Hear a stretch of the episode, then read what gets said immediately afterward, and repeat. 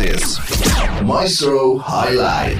Sobat Maestro, lima organisasi profesi. Di bagian lain dilaporkan Organisasi Kesehatan Dunia WHO. Dari Bandung dilaporkan imbas dari naiknya status menjadi Bandung.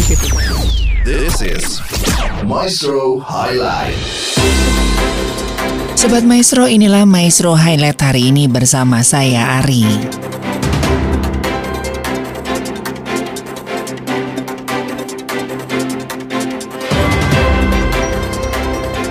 Sobat Maestro, penipuan melalui online baik telepon maupun WhatsApp kini kembali marak. Di antaranya adalah kejahatan pembajakan kode rahasia OTP atau one time password adalah pengambil alihan kode rahasia atau OTP korban oleh pelaku kejahatan sebagai sarana untuk mengeksploitasi uang elektronik atau uang di m-banking korban. Bertelekomunikasi secara cerdas diperlukan agar kita menjadi lebih berhati-hati terhadap kejahatan atau fraud transaksi online baik perbankan atau uang elektronik, terutama yang memanfaatkan fitur-fitur dalam bertelekomunikasi seperti dalam kasus OTP fraud. Jangan memberikan data finansial pada siapa pun atau pihak yang mengatasnamakan institusi, terutama kode rahasia OTP atau one-time password Anda. Waspada jika ada yang memintanya melalui email, aplikasi chat, telepon, maupun SMS. Jangan terjebak oleh situs palsu atau phishing dan penipuan menggunakan fitur penerusan panggilan atau call forwarding. Mengapa? Karena dengan berbagai cara, pelaku kejahatan akan berusaha menjebak kita untuk memperoleh kode rahasia OTP kita melalui penipuan dan atau peretasan sebagai sarana untuk bisa mengeksploitasi uang elektronik atau uang di m-banking kita. Tindak kejahatan ini dikenal dengan sebutan pengambil alihan kode rahasia atau OTP fraud. Bagaimana jika Anda mengalaminya dan saldo uang elektronik atau uang m-banking Anda terkuras? Segera hubungi call center aplikasi uang elektronik atau uang m-banking terkait untuk pengaduan dan penyelesaian.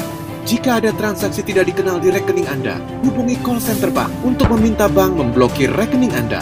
Lalu datangi gerai bank untuk mendapatkan solusi lebih lanjut. Laporkan pada pihak berwenang untuk melengkapi pelaporan dan penyelidikan lebih lanjut. Sebagai pencegahan lainnya, berhati-hati membagikan data pribadi, apalagi diumbar di media sosial. Ganti secara berkala semua jenis password Anda. Sementara itu, pakar keamanan cyber dan forensik digital Alphonse Tanuwijaya memberikan saran agar terhindar dari berbagai jenis penipuan terkait pencurian OTP hingga akun perbankan. Salah satu yang bisa dilakukan masyarakat adalah memastikan penggunaan mobile banking yang berkeamanan tinggi, yakni penerapan double security atau prosedur tambahan terhadap upaya mengambil alih akun. Jadi di sisi konsumen itu punya dua step. Nah, tapi di sisi provider perlu juga meningkatkan sidur yang uh, uh, apa yang yang tidak mudah untuk orang itu mengambil alih uh, apa namanya akun akun perbankan. Kalau di bank saya nggak bisa pak, oh, maaf. Pasti diminta nomor teleponnya, nggak mungkin. Begitu saya ganti aja nggak bisa, nggak dikenalin nomor teleponnya. Kalau kami lihat pemerintah sudah cukup baik. Buktinya penipu mengambil teknik untuk menginstal APK ini, artinya kesadaran masyarakat untuk menjaga OTP ini cukup tinggi. Jadi mereka makin lama makin sulit. Dia masukin diri sebagai customer service-nya bank itu udah masyarakat, ah lu gua nggak mungkin kasih OTP. Jadi masyarakat udah tahu bahwa OTP itu cuma diminta mesin, bukan diminta manusia. Nah sekarang mereka pakai trik ini kita perlu edukasi masyarakat bahwa jangan menginstal uh, uh, aplikasi dari dari mana pun. Umumnya sekarang pakai WhatsApp ya.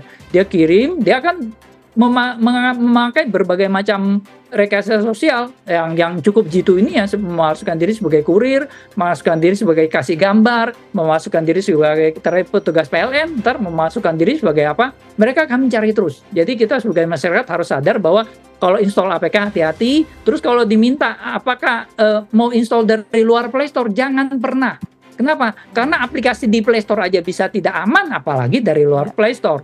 Lalu kalau misalnya uh, mau cek SMS Anda, silakan dicek di SMS permission, dilihat di SMS permission yang boleh baca apa aja gitu loh kalau yang yang boleh baca misalnya Google Maps atau aplikasi yang kita percaya silakan. Tapi kalau aplikasi diragukan segera di uninstall karena takutnya itu aplikasi untuk memforward OTP seperti yang kita khawatirkan. Pertama kalau uh, yang ditemui langsung bisa melaporkan ke uh, aparat penegak hukum atau melapor melalui kami uh, yaitu aduankonten.id.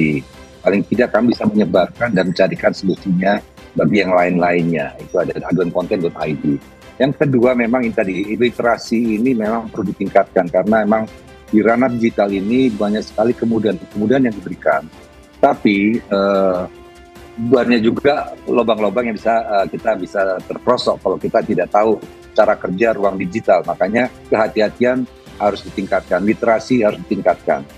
Jangan pernah tadi Pak uh, sugestinya Pak uh, ini jangan pernah kita me, apa namanya menginstall apa pun. Saya pun nggak pernah ada email yang nggak saya kenal suruh ini ada ini saya langsung kita saya langsung kita blok malahan kalau Informasi bisa. kami rangkum dari berbagai sumber berita.